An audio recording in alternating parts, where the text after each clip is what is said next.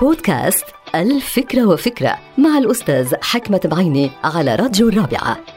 اليوم بدي أتكلم عن موضوع العادات. كل الناس عندها عادات معينة من الصباح للمساء. في المكتب في العمل في البيت في الأسرة في الحياة العامة. كلنا عنا عادات معينة. ويبدو أن هناك أربع عوامل أساسية بتتحكم بعاداتنا. هي الرغبة البهجة توفر الأشياء أمامنا وقدرتنا على استخدامها. خليني أعطيكم مثل كتير بسيط. الناس كلها هالأيام تتواصل عبر السمارت فون يعني نحن عندنا نوع من الإدمان أو عادي بنقوم الصبح ومنشيك على التليفون بنحمل التليفون بنقرأ الأخبار بالتليفون بنتواصل مع الأصدقاء بالتليفون.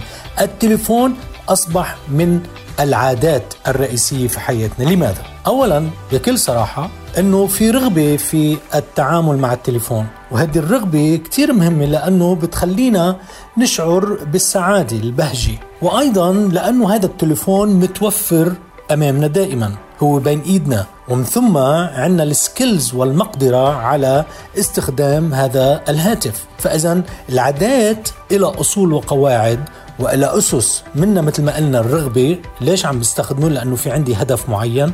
البهجة لأنه بستمتع في هذه في هذا التواصل. ومن ثم أيضا لأنه متوفر بين إيدينا. وأيضا لأنه عندي القدرة على استخدامه. فاذا العادات ما بتجي من لا شيء. ومسألة أنه نحن دائما نستخدم التليفون بدي أوضح هذه المسألة. هذا نوع من الإدمان ولكن هل فوائد هذا التليفون من حيث الرغبة والبهجة وتوفره والمقدرة على استخدامه أهم من موضوع الإدمان اللي الناس عم تحكي فيه؟ أنا رأيي الشخصي أنه ال smartphone ساهم. هذه العادة عادة استخدام ال smartphone ساهم جدا بالمعرفة بالتواصل. أيضا هناك للأسف لكل عادة مساوئ. ولكن خلينا نعمل ميزان.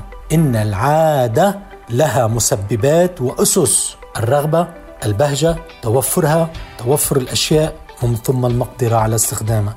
سمارت فون واحد منهم. فليكن انتهت الفكرة. هذه الحلقة مقتبسة من كتاب الفكرة وفكرة.